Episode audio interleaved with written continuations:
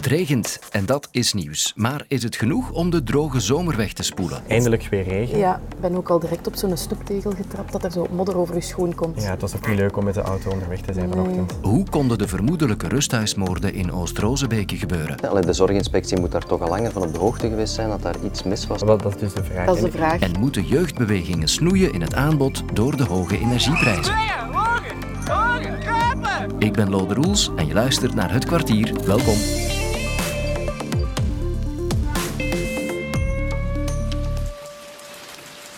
Het is een geluid dat we misschien al wat vergeten waren. Plensende regen die urenlang blijft vallen. Vandaag zelfs zoveel regen dat er meteen code oranje werd afgekondigd voor enkele plaatsen. Intense neerslag met kans op donder en bliksem. Geen opklaringen, regenachtig weer. met een code oranje. Dus vandaag is een verregende dag. Een dag vol regen vandaag in onze provincie en Brussel is zelfs code oranje aangekondigd. Geen weer om een kip doorheen te jagen vandaag. Dankjewel, Lieselot. Ja, ik vind dat toch altijd wat alarmerend klinken als het KMI zo'n kleurencode afkondigt. Code oranje. Wat betekent dat precies? Ik eh, ben even langs gegaan bij Frank de Bosere. Jo, kom binnen. Bij code oranje denken we aan ja, meer dan 30 tot, tot 60 liter water per vierkante meter op vrij korte tijd. Het zou vooral iets zijn voor het zuiden van het land, misschien ook het centrum van het land, in de vorm van felle onweders. Maar ja, kijk, zolang het allemaal een beetje gespreid kan verlopen, ja, dan kan de natuur wel het een en het ander aan. Laat ons hopen dat het niet komt tot lokale wateroverlast. Een code geel geven we in de orde van grootte van 50 keer per jaar. Dus bij code geel moeten jullie echt hier niet langskomen in het weerkotje. Bij code oranje, ja, is dat toch wel eh, aangewezen. Maar op zich ja, is het niet ongewoon. Elk jaar opnieuw een aantal keren code oranje. En een verwittigd man, een verwittigde vrouw, zijn er twee of meer waard. Dat de regen welkom is na de lange droge zomer, dat vindt elke landbouwer en eigenlijk iedereen, denk ik, die zijn wc's doorspoelt met water uit de regenput. Maar zal het genoeg zijn? Genoeg om de grote watertekorten in Vlaanderen weer aan te vullen? Hydrologen kijken deze dagen met een vergrootglas naar elke druppel die valt. Dus ga ik mijn licht opsteken bij waterwetenschapper Marjolein van Noppen. Mevrouw Van Oppen, hallo. Lode Roels hier van de podcast Het Kwartier. Ziet u mij nu? Ja. Ah ja, hallo. Met mijn eerste vraag eigenlijk, mevrouw Van Oppen. eh, hoe blij was u toen u vanochtend de regen op het dak hoorde vallen? Heel blij. Ik ben echt eh, wakker geworden met het idee van, maar het is een, een heel mooi geluid om 's ochtends mee op te staan. U bent eh, ja, bezig met, met regenwater, met water in het algemeen. En er is vandaag al heel veel water uit de lucht gevallen. Dat kan ik bevestigen als ik hier door het raam ook van de redactie kijk. Maar de vraag is natuurlijk, is dat genoeg na zo'n lange periode van droogte? Hoe zit dat? Ja, het regent nu wel, maar het is ook heel lang droog geweest. Dus het gaat uiteraard ook nog wel een hele tijd duren voor die droogte gecompenseerd wordt, om het zo te zeggen. Voordat dat neerslagtekort gecompenseerd wordt. Daarnaast ook, je kan de grond na zo'n heel lange periode van droogte een beetje vergelijken met zo'n heel droge spons die je ergens achter in je kast vindt. Als je dat onder een kraan steekt, dan neemt niet direct al dat water op. Dat duurt een tijdje. Het is heel goed dat het nu heel hard regent, maar het zal nog een heel lange tijd heel hard moeten regenen eh voor we die tekorten gaan inhalen. Het watertekort was dit jaar wel heel erg groot. Ik heb de indruk dat we eh, ja, veel moeten inhalen. eh, dat het bijna recorddroogte was. Hè? Dat is ook zo, dat is ook zo. Dit soort van droogte, dit soort van neerslagtekort, zoals we dat dan noemen, komt eh, volgens de statistieken maar één keer om de 50 jaar voor.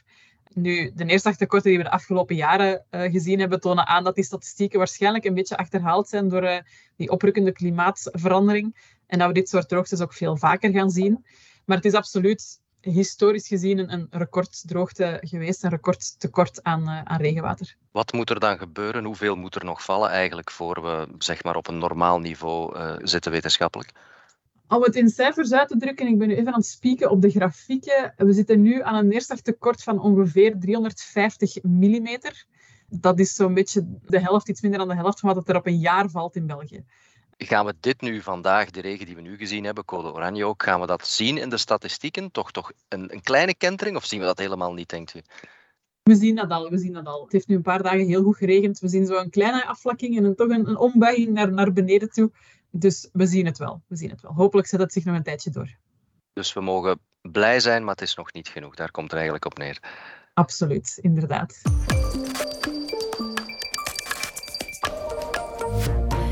Het gerecht onderzoekt drie mogelijke moorden en zes mogelijke moordpogingen in een woonzorgcentrum in Oost-Rozebeke in de buurt van Kortrijk. We wisten van niet. Hè. We waren vooral, ja, kijk de krant lazen vanmorgen. We hadden van het lam geslegen, wat je dan van niets weet. Wat wil doen op dat moment, we hadden dachten corona. Dat is van de corona. Je zou het door pezen, nee. Kom ik buiten vannacht, rond de nacht. Er zijn, zijn drie woorden, ik zei drie woorden. De stemmen waren dat van bezorgde bewoners van rusthuis Rozenberg in Oost-Rozebeke. Opschudding een week geleden in de anders zo rustige gemeente verstopt tussen Kortrijk en Deinze. Want mogelijk zijn er drie mensen vermoord in dat rusthuis. Je krijgt een reconstructie van Fatma Taspinar van onze justitieredactie.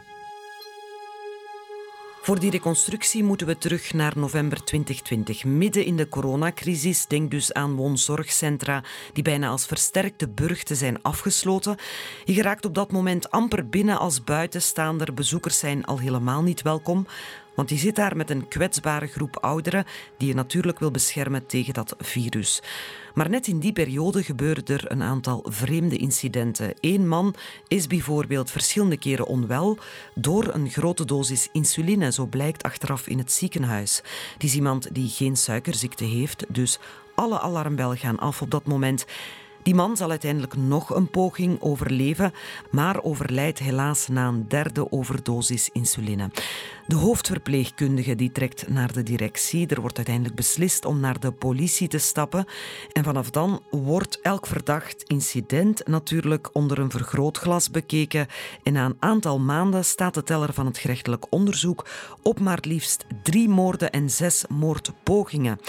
Dat nieuws zorgde vorige week voor een schokgolf in het kleine Oost-Rozebeke, waar iedereen iedereen kent. En iedereen vraagt zich daar nu af waarom is dit zo lang stilgehouden en vooral, is er al een verdachte opgepakt?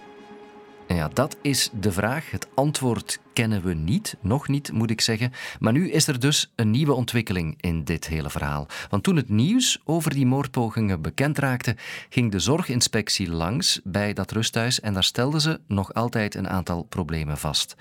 En dat ging dan vooral over slordigheden bij het omgaan met medicijnen. Dirk de Wolf van het agentschap Zorg en Gezondheid was even verbaasd als wij. Ik kan me niet inbeelden dat na die berichtgeving die vorige week is gebeurd, hè, naar aanleiding van die uh, dodelijke gevallen, dat een voorziening niet onmiddellijk de nodige maatregelen treft om die medicatieveiligheid te waarborgen. Het is echt een, eh, een laatste wake-up call, dus de voorziening moet maatregelen treffen meteen, zodanig dat uh, die risico's worden uitgesloten. Het rusthuis mag nu onder andere twee maanden lang geen nieuwe bewoners meer aannemen. Maar dit verhaal roept vragen op, veel vragen over de veiligheid in onze woonzorgcentra.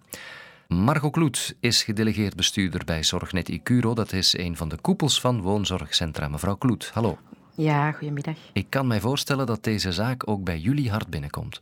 Ja, dat nieuws slaat echt in als een bom. En niet alleen ben ik daardoor persoonlijk geraakt, maar ik merk toch ook dat dat heel hard binnenkomt bij alle medewerkers in de 800 woonzorgcentra in Vlaanderen. Ja, we weten voor alle duidelijkheid nog niet zeker of het om moorden gaat of niet. Dat wordt nog onderzocht, al zijn er wel zaken die daarop wijzen. De vraag die heel veel mensen zich nu stellen is: hoe kan zoiets gebeuren in een rusthuis dat toch aan allerlei controles onderworpen wordt? Ja, dat klopt. Enerzijds krijgen wij inderdaad heel veel inspectie, maar ligt er natuurlijk ook een verantwoordelijkheid bij de woonzorgcentra. Enerzijds zijn wij open huizen. Wij, zijn, wij willen een plaats hebben in de samenleving en ervoor zorgen dat, uh, dat mensen daar ook op bezoek kunnen komen, dat wij geen gevangenissen worden. Anderzijds denk ik, ja, werken we al heel lang rond het medicatiebeleid. Um, is het belangrijk dat medicatie achter slot en grendel zit, dat alleen verpleegkundigen daar aan kunnen. En denk ik ja, dat we toch wel al de procedures van bij het voorschrijven tot bij het toedienen nog eens goed onder de loepen moeten nemen en kijken waar er voor verbetering vatbaar is. Ja, in het jaarverslag van de woonzorglijn staat dat het aantal klachten over medicijngebruik is, is toegenomen. Ja, dat, dat vraagt toch wel wat aandacht, denk ik dan. Hè? We weten dat er nog werk aan de winkel is. We gaan onze verantwoordelijkheid opnemen. Maar ik wil toch nogmaals beklemtonen dat dit helaas een, een te betreuren feit is, maar dat dit best wel ook uitzonderlijk is. Ook frappant is dat dat bewuste woonzorgcentrum in Oost-Rozebeke ook na het bekendmaken van dat nieuws nog altijd niet in orde bleek te zijn toch? Het is voor mij een raadsel waarom men daar niet mee aan de slag is gegaan. Ik vind dat het woonzorgcentrum in kwestie daar ook een stukje verantwoordelijkheid mee uh, ontloopt en ook wel naar de, de hele sector uh, een beetje in zijn onderbroek zet, om het zo te zeggen. Want er zijn best wel heel veel plekken waar dit wel goed verloopt en waar men dit heel erg ter harte neemt. Wat is uw boodschap dan voor wie een ouder of grootouder heeft die in een rusthuis zit en zich nu zorgen maakt? Wel, ik denk dat heel veel woonzorgcentra veilige plekken zijn om te wonen en te leven. En dat dit heel uitzonderlijk is. En als je vragen hebt over medicatiebeleid of over andere zaken, aarzel niet om naar de medewerkers te stappen en vraag een uitleg. En laat ons hopen dat we het z'n allen in de toekomst dit nog veel beter kunnen doen. So this market is not functioning anymore. Millions of Europeans need support. Overall, our proposal will raise more than 140 billion euros for member states to cushion the blow directly. Dat was Europees Commissievoorzitter Ursula von der Leyen vandaag in haar jaarlijkse State of the Union. Daar zei ze onder meer dat de lidstaten op elektriciteit zullen moeten besparen. Er wordt ook gewerkt aan een voorstel over het prijzenplafond op gas. En er komt een hervorming van de prijsberekening voor elektriciteit. Alles samen moet dat zo'n 140 miljard euro opleveren aan steun. Kortom, hulp is onderweg, zei het op termijn. Maar intussen blijven de torenhoge energiefacturen natuurlijk wel binnenkomen. En ook veel organisaties staan het water aan de lippen. Jeugdbewegingen bijvoorbeeld kunnen de hoge energiefacturen nu al niet meer betalen en de vrees is dat er gesnoeid moet worden in het aanbod deze winter. Er zijn veel verhalen te rapen daarover en ik begon vanochtend op onze redactie. Pieter Jan, hey, jij hebt een aantal verhalen verzameld, heb ik gehoord, van jeugdorganisaties of jeugdwerkingen die de rekeningen niet meer kunnen betalen. Ja, dat klopt. Ik heb uh, met verschillende jeugdwerkorganisaties gebeld en gesproken. Ja, die het steeds moeilijker en moeilijker hebben, zoals wij allemaal, denk ik, hè, om de facturen te betalen.